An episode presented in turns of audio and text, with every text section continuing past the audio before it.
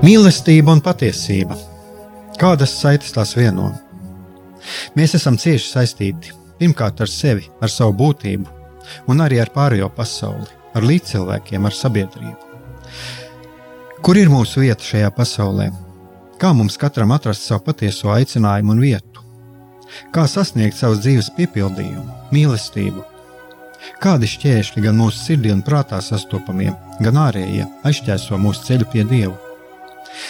Šie jautājumi ir mūsu dzīves sastāvdaļa, svarīgi mūsu ceļā uz svētumu. Meklēsim šajā raidījumā kopā atbildes uz šiem jautājumiem. Ieklausīsimies, ko Dievs mums vēlas pateikt ar visu, ko sastopam savā dzīvē. Lai mūsu sirds un prāti atveras mīlestībai un patiesībai, raidījums mīliet citu citu.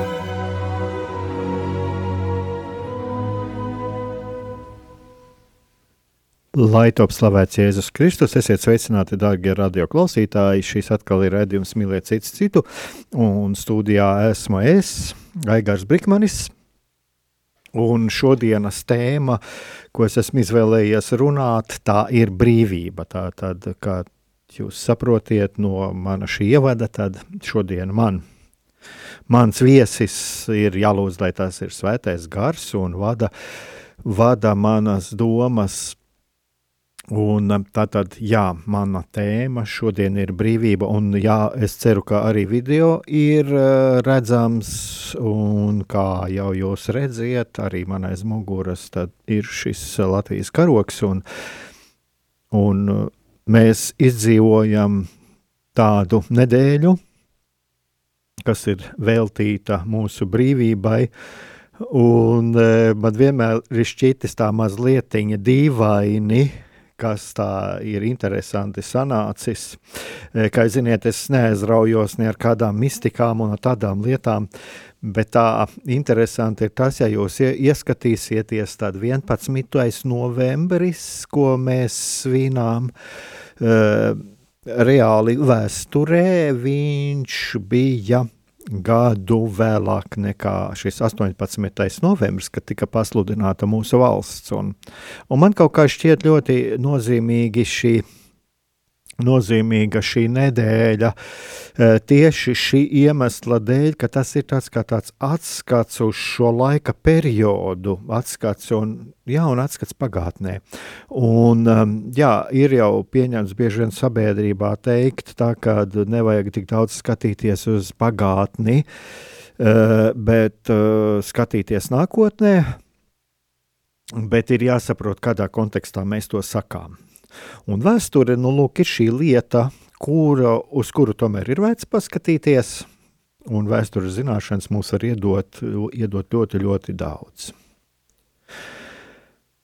Un šis laiks, manuprāt, ir, un es domāju, ka daudz arī piekritīs, ka šis laiks un šī gada novembris ir pienācis tādu ļoti globālu izmaiņu ēnā.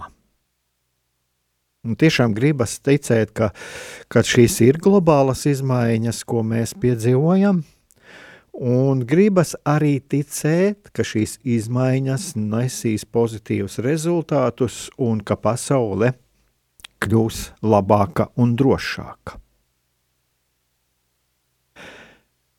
Jo Eiropas eh, pēdējā gadsimta vēsture rāda, pēdējā pusgadsimta vēsture rāda to, ka lūk, šīs uh, demokrātiskās Eiropas valstis uh, tomēr ir iztikušas bez kariem, un ja pirms kādiem 200 gadiem teiktu, ka, ka būs kāds laiks, kad uh, Vairāk kā 50 gadus nekaros savā starpā tur Anglijā, Francija, Vācija, Francija, Polija. Cilvēki neticētu, Jo kāri tā bija tāda pilnīgi normāla parādība. Tajā laikā, tajā laikā nebija tāda skatījuma uz, uh, uz cilvēka tiesībām, uz uh, attieksmi pret gūstekņiem un tā tālāk. Un uh, skatījums uz to, kas ir valsts un, un kādas ir uh, valdnieka īpašības, bija pavisam citas. Un vispār arī skatī, skatījums uz to, kas ir līderis, kas ir valsts līderis, bija pavisam citas eh, kā mūsu dienās. Tad, lūk, un mēs redzam, ka šis laiks, es vienmēr iebilstu tiem, kuri runā par kaut kāda pasaules gala tuvošanos un tā tālāk. Es vienmēr šiem cilvēkiem aicinu iedomāties, kā kā jutās tie cilvēki, kas dzīvoja pirms 80 gadiem. Ja mēs atceramies eh, Latvijā, tad šis laiks pirms 80 gadiem bija tikko piedzīvotas deportācijas, eh, padomi Krievijas okupācijas terors, un tieši pirms 80 gadiem bija cits okupācijas režīms, kurā bija eh, holokausts, kurā bija vajāšanas, kur arī cilvēki baidījās, kur cilvēki nedrīkstēja iedomāties kaut ko protestēt pret režīmu. Un es domāju, ka tad, kad vienkārši redzēt, kā tavā priekšā arestē tavus kaimiņus, aizved, nošauj tikai par to, ka viņi pieder pie kaut kādas tautas, tam, tad gan varētu likties, ka nu, pat ir pasaulē, ir pienācis kaut kāds pasaules gar, gals. Bet ir jāatceras arī to, ka jā, diemžēl tā tas ir, kad šie kari ir bijuši Un, lūk, un tāpēc es domāju, mums ir, ir jāpamats cerēt, ka šajā brīdī būs eh, kaut kādas izmaiņas. Kaut kādas izmaiņas būs pozitīvas. Un arī vēl varētu arī mēs iedomāties tiem, kam mums tiešām gribas, gribas kaut ko pasūdzēties par sliktajiem laikiem. Mēs varam mazliet kaut iztēloties, kā šobrīd jūtas Ukraiņu tauta, kas notiek Ukrainā. Un tātad šī cerība, ka pasaule kļūs labāka un drošāka, un ka arī mūsu zeme, zemē būs uh, labklājība un drošība.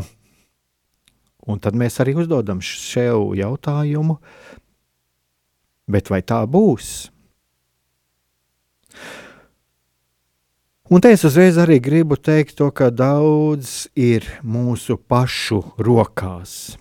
Un mēs esam jau runājuši, arī šajos raidījumos ir runāts, ka ir, jā, ir ļoti svarīgi izvērtēt, ko šeit un ša, tagad es varu darīt, kur ir manas robežas un kur ir arī manas iespējas.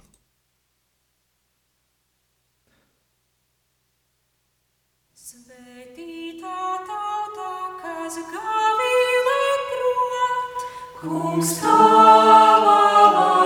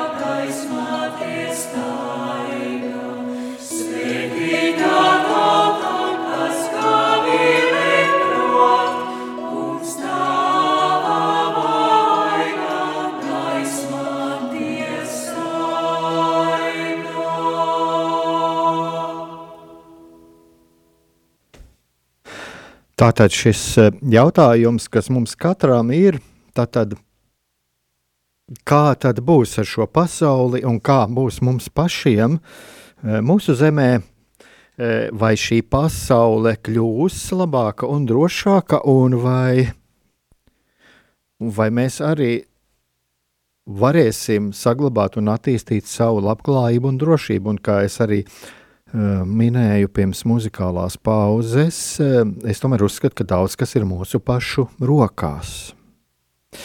Jo būtībā jau tauta, un kā šeit dziesmā bija teikts, jāpērk, ka tā svētīta tauta, katra tauta ir šis individu kopums, kurā veidojas mūsu katra personīga identitāte.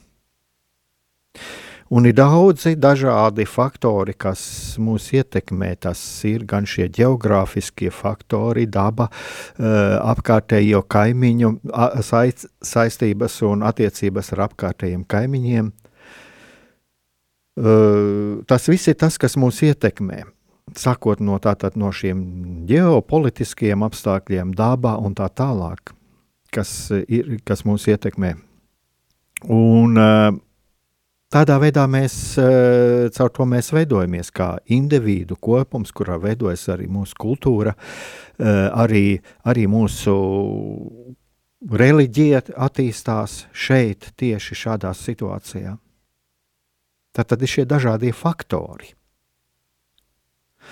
Bet tad ir jautājums par to, vai šie faktori ir kaut kas, kas mūs apspiež, vai arī tas ir kaut kas, ko mēs varam iegūt arī kaut kādu labumu. Un tāpēc es uh, gribētu parunāt, uh, padalīties arī savās pārdomās, um, par ko es esmu ilgus gadus domājis, un kādreiz esmu arī runājis, un varbūt arī jūs esat pamanījuši, droši vien arī šeit tas ir radio izskanējis, un, un vēl kaut kur. Uh, tomēr šie faktori, kuri, kuri mums ir traucējoši, un kurus es redzu kā traucējošus arī mūsu dienās, kas var būt tāds kā tāds apdraudējums.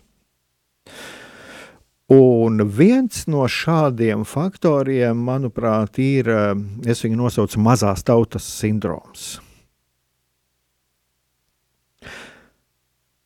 Es atceros jau kaut kad jau no bērnības, no skolas gadiem, ko runāja pieaugušie, un tā paudze, kas bija piedzīvojusi uh, Latvijas brīvvalsti un pēc tam šīs okupācijas un, un visas tās šausmas un ciešanas, kas nācās piedzīvot, ļoti bieži dzirdēju arī tādas uh, vārdus, ka mēs esam jā, lielvaru krustceles, mēs esam pakļauti citiem, mēs esam maza tautiņa, mēs neko nevaram.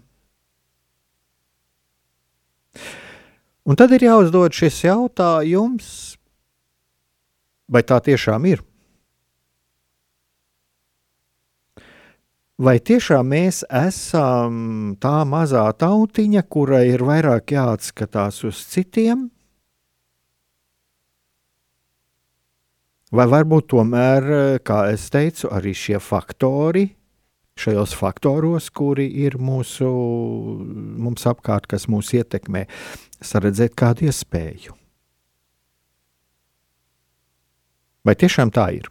Tātad, vai mēs esam šī mazā tauta, kā es viņu saucu, mazās tautas sindroms, ir pat tāda e, um, ironija. Mēs maza tautiņa, nu ko tad mēs varam? Tad nākamais, ko es saskatu, kas var būt apdraudējums, tas ir izolacionisms. Un uh, Es domāju, kas ir painteresējušies vairāk eh, par, mm, par mūsu pagātni, par vēsturi, droši vien arī zina šo neutralitātes politiku, kas bija eh, Latvijas brīvvalsts laikā un kura sevišķi Ulmaņa diktatūras laikā bija ļoti populāri atgādināt. Es vismaz ļoti daudz tā laika preses izdevumus lasoties par to, daudz kurš esmu saskāries. Tātad šis izolacionisms. Un, ja mēs uh, skatāmies uh, uz šodienas situāciju, mm, tad uh, ir tādas tendences ne tikai Latvijā, bet tas ir arī pasaulē. Mums Latvijā, piemēram, ir uh, Latvija pirmajā vietā, uh, tad ir uh, Amerika pirmajā vietā, viens no tādiem Trumpa lozungiem. Nu, šķiet, labi, Trumps tur ir tālu, viņš nav Eiropā, bet nu, vienalga, viena no stiprākajām, spēcīgākajām NATO valstīm. Eh, Brexits, eh, tur Britānija pirmajā vietā, un ja mēs paskatāmies internetā, teiksim, ir mēs ļoti daudz, angļu valodā ļoti daudz ir aprakstīts un dažādas šīs kustības, jā. Tātad šis izolacionisms. Un, protams, tajā atkal jāpaskatās, ir, mm, es esmu arī kādreiz man iznācis pat diezgan daudz runāt ar šiem eiroskeptiķiem, bet tādiem eiroskeptiķiem nevis, kuri tiešām ir um, Maskavas ietekmes aģenti, tādi ir, Un, uh, un es redzu arī daudz šajā uh, izolacionismā uh, Kremļa ietekmi, bet arī tādi, kuri vienkārši uh, runāja pret Eiropas Savienību, un viņi tagad viņus mazāk dzird. Vismaz viņu tajā retorikā nav tik daudz šī mm, centrālā tēma pret Eiropas Savienību. Ka lūk, jā, ir kaut kāda Eiropas birokrātija, kura tagad mums diktēs noteikumus. Un savā ziņā tur taisnība ir. Tur savā ziņā taisnība ir. Ir bīstamība no tā, Tā varētu būt interesanti. Man arī uzaicināt kādreiz kaut kādu politikas speciālistu, bet es arī tādas lietas redzu, kur mēs varam daudz ko zaudēt, un, un tādām organizētām struktūrām ir problēma tāda, ka viņām ir tendence birokratizēties un veidoties savu veidu tādai birokrātijas varai. Bet uh, Ja mēs paskatāmies no vēstures perspektīvas, viens no spēcīgākajiem argumentiem, kas ir par to, ka lūk, ir pozitīvais iegūms ir no tās pašas Eiropas vienotības, no Eiropas Savienības, tas ir tas, ka ir šīs kopīgās intereses un, kā jau es minēju raidījuma sākumā, šie gadu desmiti, kad Eiropas valstis savā starpā nav karojušas. Un to pašu mēs jau arī varam teikt par, par eh, savā ziņā arī par NATO, ka lūk, šis militārais bloks, kurš pat tādas valstis kā pieņemsim Turcija un salīdzināsim teiksim, Turcija, Francija, Vācija, kuras ir eh, diezgan Turcija no atšķirībā no pārējām valstīm ir ļoti atkarīgas, bet viņas uh, ir viens kopīgs mērķis vienas kopīgas intereses militāri pastāvēt par uh, militārs bloks, kurš pastāv, kurš katrai valstī ir izdevīgs. Un tad trešais viena tāda lieta, ko es arī šeit pieliku klāt, kas ir īpaši raksturīga, raksturīgi daļai sabiedrības, daļai sabiedrības, uh, tas ir vadonības grēks. Es viņu nosaucu par vadonības grēku. Eh, tas ir šis romantizētais skatījums, un varbūt nevajag tik daudz skatīties uz šo vārdu, ka es viņu pieminu tā kā tādu grēku. Jā, varbūt es varbūt pareizāk būtu to pat nosaukt tā vadonības kļūda. Eh, kad, jā, pareizāk pat varētu teikt kļūda, jo cilvēki šo pieķeršanos vadonim, tā ir kā tāda drošības garants, tāds iluzors drošības garants. Un ir šāds eh, ļoti, ļoti romantizēts priekšstats par 15. maiju. Daļai, daļai cilvēku es vēl, varbūt šodien ir mazāk, bet es vēl 90. gados redzēju ļoti daudz saskāros, bija pat daži, kuri rīkoja 15. maija svinības Kad lūk, ir šis vadonis, šis gudrais vadonis, kurš, kurš ir vajadzīgs, šī stiprā roka, kura mūs var izvest no kaut kādas krīzes un kura pacēla arī Latviju uh, eh, 30. gados. Un šeit es uzreiz uh, varētu atgādināt, ir tāds ļoti labas lekciju cikls. Savā laikā bija YouTube, var atrast, kur Es domāju, vislabākais eh, viena no tām lekcijām bija, ko runāja vēsturnieks Evers Stranga, kurš runāja par eh, šo ulmaņa laika ekonomikas politiku. un kādā veidā tas ietekmē domāšanu. Nu, viņš ļoti labi parāda, piemēram, to, ka nu, tik spoži jau nemaz nebija. Un patiesībā 30. gadu otrā puse, un jau sākot no 15. maija, tādas ekonomika nemaz nepiedzīvoja tādu augšupēju un viņš pierāda ar faktiem. Bet šie dažādie psiholoģiskie faktori, kas to ietekmē, un tas, kas pēc Ulmaņa nāca tie šausmu laiki, tad, protams, ja mums katram būtu jāizvēlās starp Staļinu, Hitleru un Ulmani, mēs visi, es arī izvēlētos Ulmani, Ulmaņa laikus. Jā, lūk, tā tad arī šī vadonības kļūda – kas, eh, manuprāt, arī var būt bīstama kaut kādā krīzes situācijā, un lai Dievs dod, ka mums izdodas izvairīties no šīs krīzes,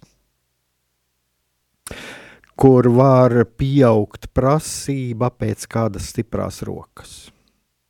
Nu šeit gan ir tādas manas eh, personīgās spekulācijas, un eh, es savā laikā runāju arī par to, ka mm, man bija nelielas bažas arī pirms, pirms šī Covid, ja, kad es redzēju, ka tas sākās Dienvidu Eiropā, kas notiks, ja šāda krīze un šī mirstība pieaugs Latvijā. Un, paldies Dievam, izdevās izvairīties no tādas mm, smagiem politiskiem satricinājumiem, Bet eh, tas ir jāņem vērā, ka lūk, eh, var pieaugt eh, ka pie kaut kādas krīzes, vēlēšanās sabiedrībā pēc kādas stipras rokas. Nu, jāsaka, tas ir mans viedoklis. Es pagaidām to tā neredzu. Es to tā neredzu tik kritiski, bet es zinu, ka ir daži cilvēki, kuri, kuri mm, par, to, par to runā un par to domā.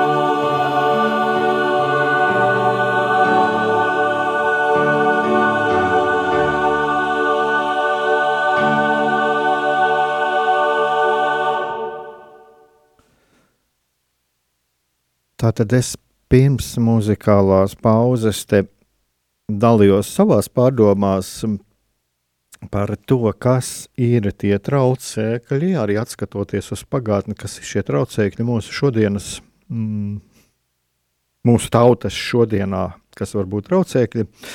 Un, protams, kādam var būt vēl kaut kāds vai kaut kādā ziņā, nu, kaut kur arī mazliet cits skatījums Un tas ir pilnīgi normāli, jo jāsaprot, to, ka es vados no savas pieredzes un no tā, kā es, kā es to redzu. Un, um, bet ir ļoti labi, ja mēs varam kādreiz arī salikt kopā savas domas un, un, un pat viedoklis. Dzirdot kādu jaunu viedokli, mēs varam arī pārvērtēt sevi iekšā, kā tas ir, kā es to skatos, un, un iepazīt kādu citu viedokli. Bet katrā ziņā, lūk, ir šie, tas, ko es redzu, kas var mums traucēt, tas ir šis.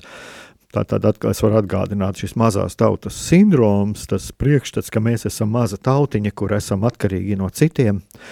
E, tad ir šis izolacionisms, ja, kurš ir nu, Latvija pirmajā vietā, e, un kad lūk, citi tā, un tā, un tā ir tendence. Tā ir tendence pasaulē, tā ir tendence Eiropā. Un uh, konkrēti ja tieši šīs kustības, piemēram, kas ir Eiropā, viņas nu, tagad jau ir zināmas, ka arī no Kremļa tiek uh, daudz finansētas. Un šī vadonības kļūda, jā, šī vēlēšanās pēc stiprās rokas, kuru nav tik izplatīta, varbūt kā bija vēl 90. gados no no, nu, vismaz man tāds priekšstats, ka arī daudz kas nāca no šīs iepriekšējās paudzes, kura romantizē šo savu jaunību un, un to, ko viņi bija piedzīvojuši, un pēc tam šīs sekojošās šausmas, šīs okupācijas, eh, protams, ka eh, kaut kādā veidā veicināja to, ka šī šis ulmaņa uh, režīms tika romantizēts. Un, tā tad lūk, šie, šie tādi trīs punkti, ko es šeit pieliku. Bet uh, tagad atgriezīsimies pie tā, ka, nu, jā, kāpēc tad ir vērts apskatī, atskatīties šajā vēst, vēsturē? Un ko mēs varam mācīties? Un es domāju, ka ir ļoti labi paskatīties kaut vai uz šo pašu 18. novembri. Un tagad uh, paskatīsimies to tiešām kā uz mūsu senču vēsturi. Ja mēs sevi identificējam kā latviešu tautu, tad uh, nu, daudzi no mums droši vien pat neatcerās, kur mūsu tiešie senči tajā laikā ir bijuši. Bet, nu, tā kā mēs piedarām pie šīs uh, latviešu tautas, tad lūk, mēs varam paskatīties tiešām kā uz mūsu senčiem. Un starp mūsu senčiem atradās tādi, kuri iz, uzņēmās šo iniciatīvu pasludināt Latvijas valsti pat, pat būdami mazākumā. Jo ja mēs paskatāmies arī kaut vai uz to pašu tautas padomu, nu kāda tur tauta, e, jo tie bija sava veida, nu, nu nosauksim to pozitīvā pozitīvā nozīmē par savu veidu eliti, kas cilvēki, kas bija pietiekami izglītoti, kas redzēja, kas ieraudzīja šo, šo iespēju un kuri uzņēmās iniciatīvu un pasludināja Latvijas valstiskumu. Būdami mazākumā. Lielākā daļa sabiedrības eh, bija lielā sajukumā. Bija bolševiki, bija Vācija. Eh, nebija nekāda, patiesībā nebija nekāda īsta mērķa. Bet bija cilvēki, kuri uzņēmās šo iniciatīvu, pasludināja Latvijas valsti. Un to mēs redzam arī tālāk visas mūsu uh, neatkarības uh, kara laikā, kad patiesībā cik bieži nācās arī mūsu karavīriem karot uh, pret pārspēku. Un mēs tagad arī ar tādu mm, abrīnu skatāmies uz Ukrajinu, kā Ukraina cīnās Bet tad mēs varam paskatīties arī uz to, kas notika mūsu zemē, kas notika, kas notika šajā 19. gadā. Un es domāju, ka mēs atrastu, atrastu daudz ko kopīgu. Un tad mēs varam arī tā padomāt, vai tiešām mēs esam šī mazā tauta, kas esam atkarīgi tikai no citiem.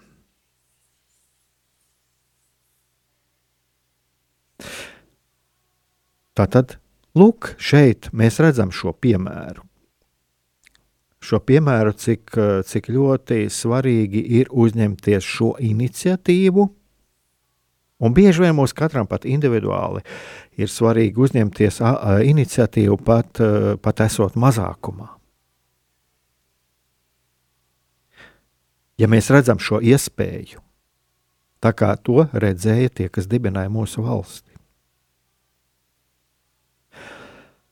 Un eh, nākamais, uz ko mēs varam paskatīties, ja vai tiešām mēs esam tik nevarīgi, to mēs varam pateikt, mm, redzēt no tā, ka mūsu, jā, mūsu valsts sevi apliecināja. Mūsu valsts attīstījās arī starp šiem kariem, eh, starp abiem pasaules kariem, attīstījās kā civilizēta un eh, attīstīta valsts. Mūsu valstī bija gan attīstīta, attīstīta, attīstījās rūpniecība, bija attīstīta zemniecība, bija, bija šis, ka mēs runājam arī par šo darba likumu, tas viss bija.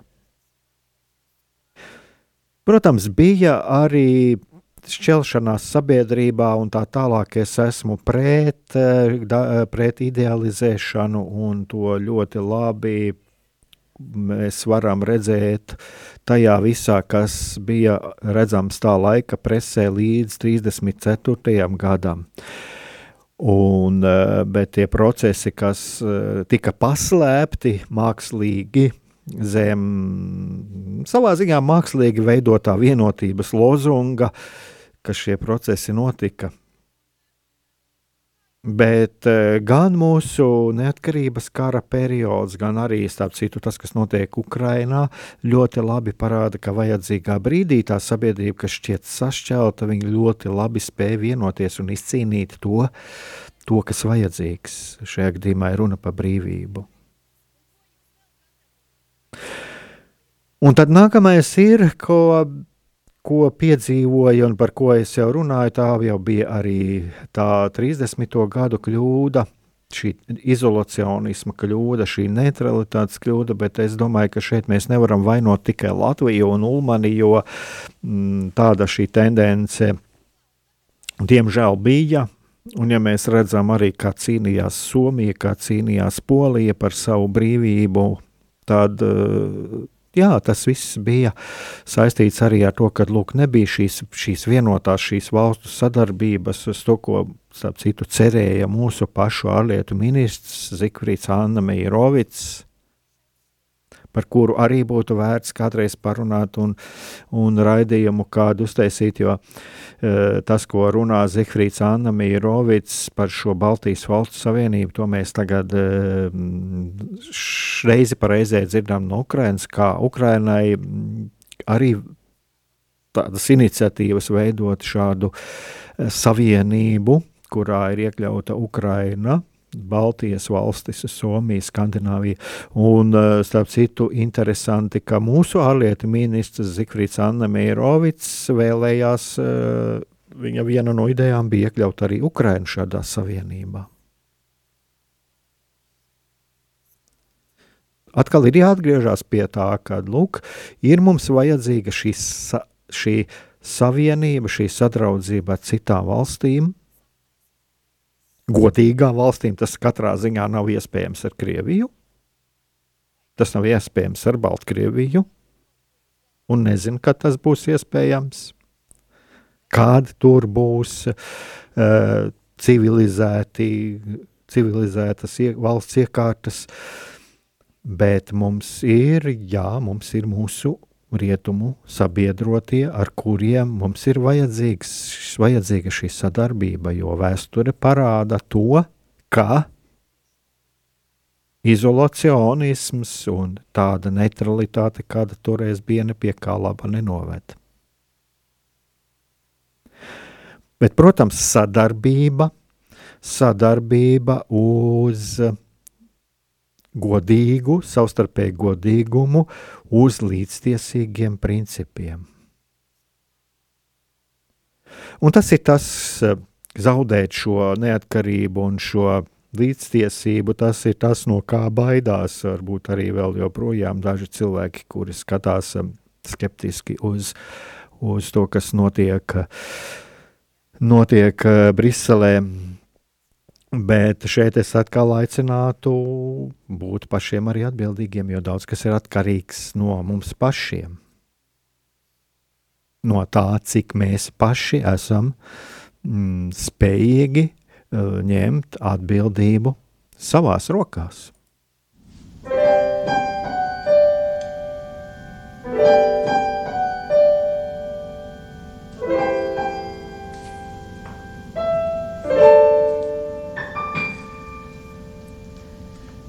Mums ir labi šeit būt, mums ir labi šeit būt.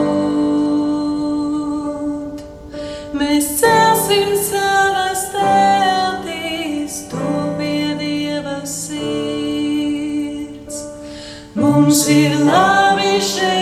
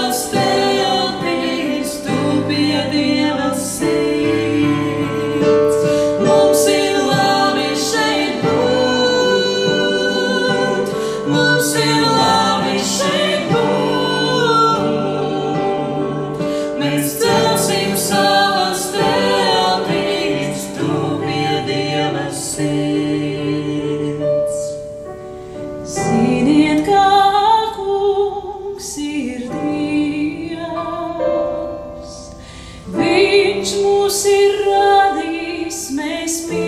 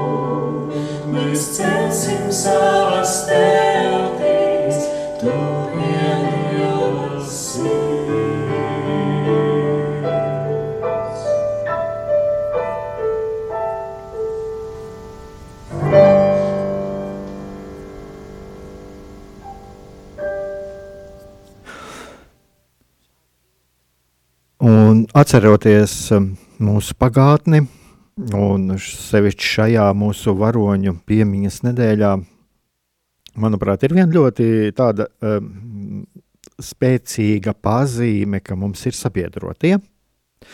Un, protams, mēs zinām, NATO, mēs redzam šeit arī šos NATO karavīrus, kuri sevišķi mēs redzam viņus tieši uz 11. novembri. Novembrī mēs redzam viņus Rīgā, un katru gadu, cik es esmu gājis, mēs redzam. Bet mums ir vēl, viens, vēl vieni varoņi, mūsu sabiedrie, sabiedrotie. Tajā ir Ukraiņa, tā ir Ukraina.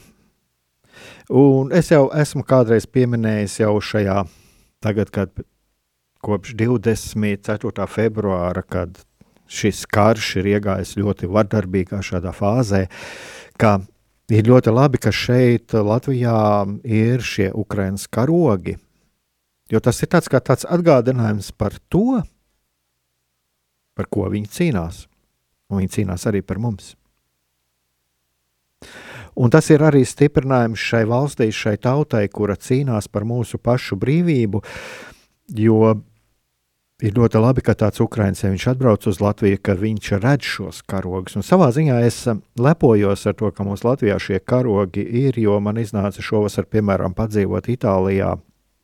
Un jā, es uh, redzēju tur uh, gan cilvēkiem lentītes ar šiem Ukraiņas karogiem. Es pat pie vienas baznīcas, pie vienas baznīcas redzēju tādu Positāno pilsētiņu, kuru ar pilsēta, bet viņu nav tik daudz. Un, protams, ir, ja mēs parunātu ar itāļu tautu, tad mm, domāju, ka liela daļa arī būtu par Ukrajinu šajā kara situācijā. Galu galā arī Itālija ir NATO valsts. Bet kāpēc es pieminu šo Itāliju? Tāpēc, ka mēs ļoti labi redzam, ko nozīmē šī geogrāfiskā vide. Jo itāļi nav saskārušies ar šo, jā, viņiem bija sāpīga otrā pasaules kara pieredze un diktatūra, bet viņi nav saskārušies ar šo pieredzi, ar šo sāpīgo pieredzi ar Krieviju. Mums tas ir ļoti aktuāli.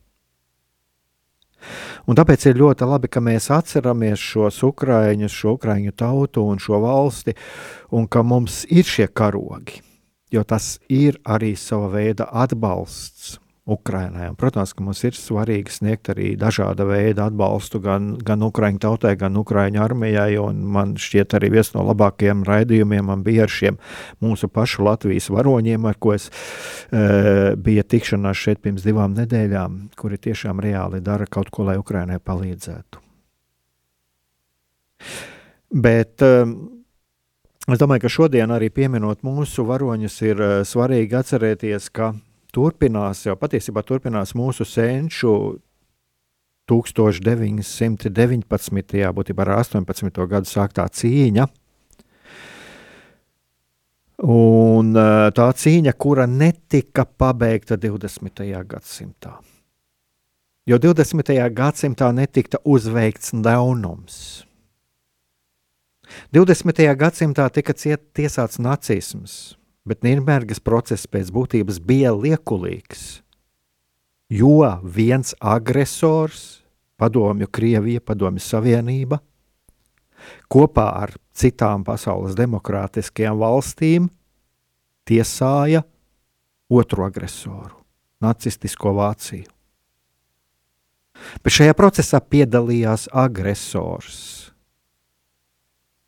vaininieks, kurš sāka Krievija kopā ar nacistisko Vāciju, padomju Krievija kopā ar nacistisko Vāciju izraisīja karu.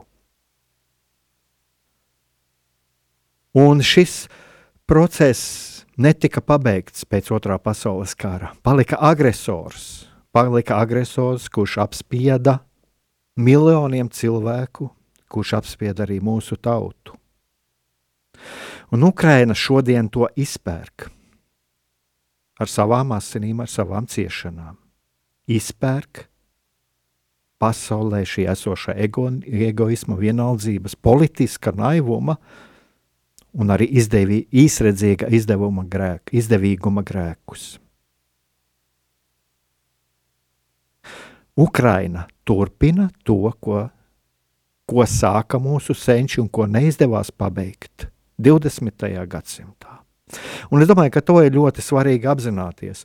Mēs redzam, kas tagad notiek Latvijā, ka pateicoties Ukrainai tiek novākti šie kauna simboli, šie okupācijas uh, armijai veltītie okupācijas vardarbību godinošie simboli. Vai tiešām, ja mēs redzam, Ukrainai vajadzēja parādīt savu varonību, lai pie mums notiktu kaut kas tāds, kad mūsu Latvija vēl joprojām piedzīvo šo atbrīvošanos un piedzīvo šo atbrīvošanos no šiem okupācijas simboliem. Kas šeit pat netālu no mums, no radio Marijas, atceros, es uh, vienmēr, kad nācu šejieni vai braucu, es uh, jutos ļoti, ne, ļoti nērti, kad lūk šis uh, vardarbības simbols šeit stāvēja. Tātad, lūk, šeit, ko mēs piedzīvojam. Mēs piedzīvojam to, ka patiesībā šis ir tāds ļoti labs piemērs. Arī mums šis varonības piemērs, kurš liek mums atcerēties mūsu pašu senču piedzīv, piedzīvoto, izcīnīto. Un ļoti svarīgi apzināties, ka mums ir sabiedrotie, kuri šobrīd izcīna to cīņu, kura netika pabeigta 20. gadsimtā. Un šeit es varu atgriezties arī pie šī jautājuma. Tātad, lūk, šīs mūsu šaubas par to, kas var varbūt rasties vairs pasaulē tagad pēc šīm globālajām pārmaiņām, un es domāju, ka tas ir globālas pārmaiņas, kas tagad notiek saistībā ar šo karu. Vai pasaule kļūs labāka? Un es domāju, ka šeit mēs esam visi, eh, katrs savu iespēju robežā par to atbildīgi. Vai mēs būsim kopā ar tiem, kas šobrīd arī cīnās par mūsu brīvību?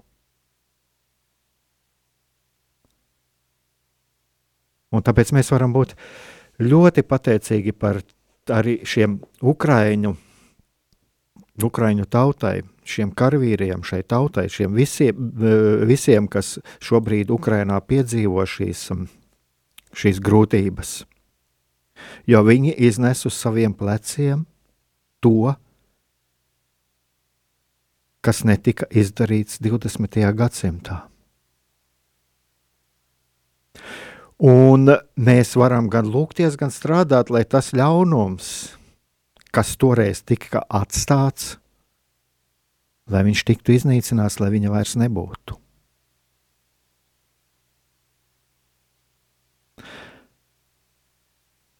Un tāpēc es domāju, ka noslēdzot šo rādījumu, ko es vēlētos arī atgādināt, ka jā, Ukrainas uzvara, tā ir arī mūsu uzvara. Tā ir mūsu uzvara, tā ir mūsu, eh, mūsu brīvības cīnītāja, mūsu valsts dibinātāju uzvara un mūsu pašu, mūsu tautas uzvara.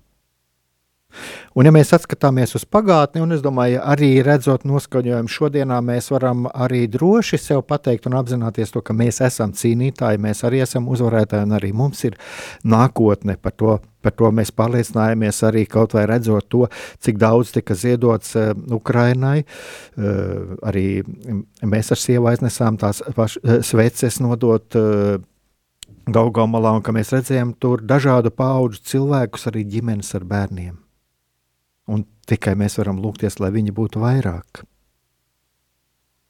lai būtu visu pauģu cilvēki, visu pauģu ļaudis un būtu, jā, kas būtu gatavi pieminēt mūsu varoņus un arī gatavi pastāvēt par savu tautu, par savu valsti. Un vēl ko es gribētu atgādināt, to, ka patiesībā jau, ja mēs skatāmies uz pagātni, uz mūsu valsts dibināšanu, tad mūsu valsts dibinātāji dibināja demokrātisku valsti.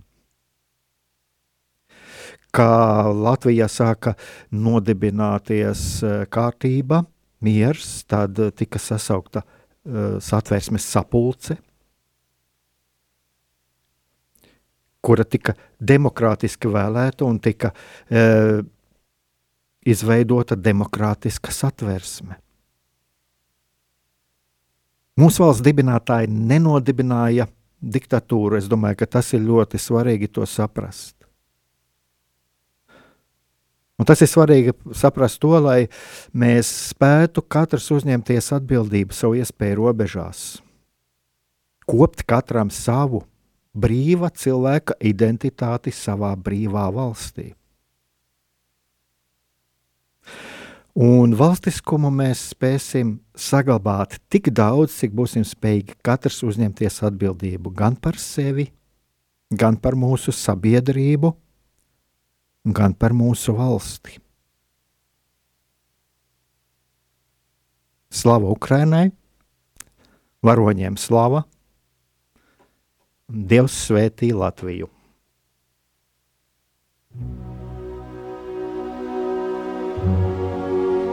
Mīlestība un patiesība. Kādas saites tās vieno? Mēs esam cieši saistīti pirmkārt ar sevi, ar savu būtību, un arī ar pārējo pasauli, ar līdzcilvēkiem, ar sabiedrību.